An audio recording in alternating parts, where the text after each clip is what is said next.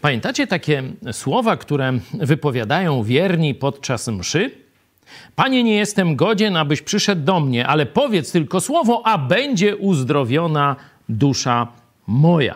To oczywiście jest fragment mm, z Biblii, wyrwany całkowicie y, z kontekstu, całkiem o co innego tam chodziło, ale dobrze, niech już będzie. I po wypowiedzeniu tych słów, nie jestem godzien, ale powiedz tylko słowo, a będzie uzdrowiona dusza moja, no katolik, taki tam wyspowiadany, wyczyszczony, święty, idzie i taki mniejszy opłatek dostaje od księdza na rękę albo na język, to już tam różne są teraz szkoły, żrą się tam między e, sobą i to się nazywa, że on przyjął Jezusa. Nie? On przyjął e, co najwyżej e, ciało Jezusa, albo opłatek, albo i tak dalej, no ale w katolicyzmie to się nazywa przyjęciem Jezusa. I teraz tylko mam takie pytanie. No jeśli Jezus na tej mszy wszedł już do ciebie, to dlaczego ty za tydzień, idąc do kościoła, znowu mówisz, Panie, nie jestem godzien, abyś przyszedł do mnie, ale powiedz tylko słowa, a będzie uzdrowiona dusza moja.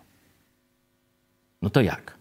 To wtedy nie przyszedł, i teraz co nieszczerze, coś źle zrobiłeś i tak dalej, teraz jeszcze raz go wołasz? Czy też przyszedł w poniedziałek, mówi, cześć, w niedzielę wrócę? No to jak?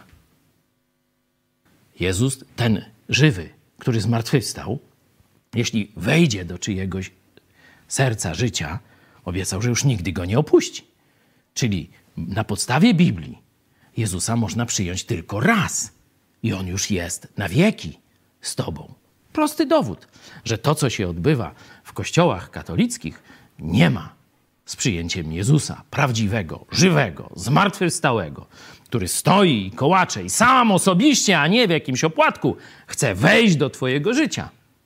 W kościele katolickim w ogóle się nie odbywa. W ogóle zostało zapomniane. Jeśli już, to świadectwem tego, że Jezus zamieszkał w Twoim życiu, jest chrzest. Chrzest ludzi wierzących.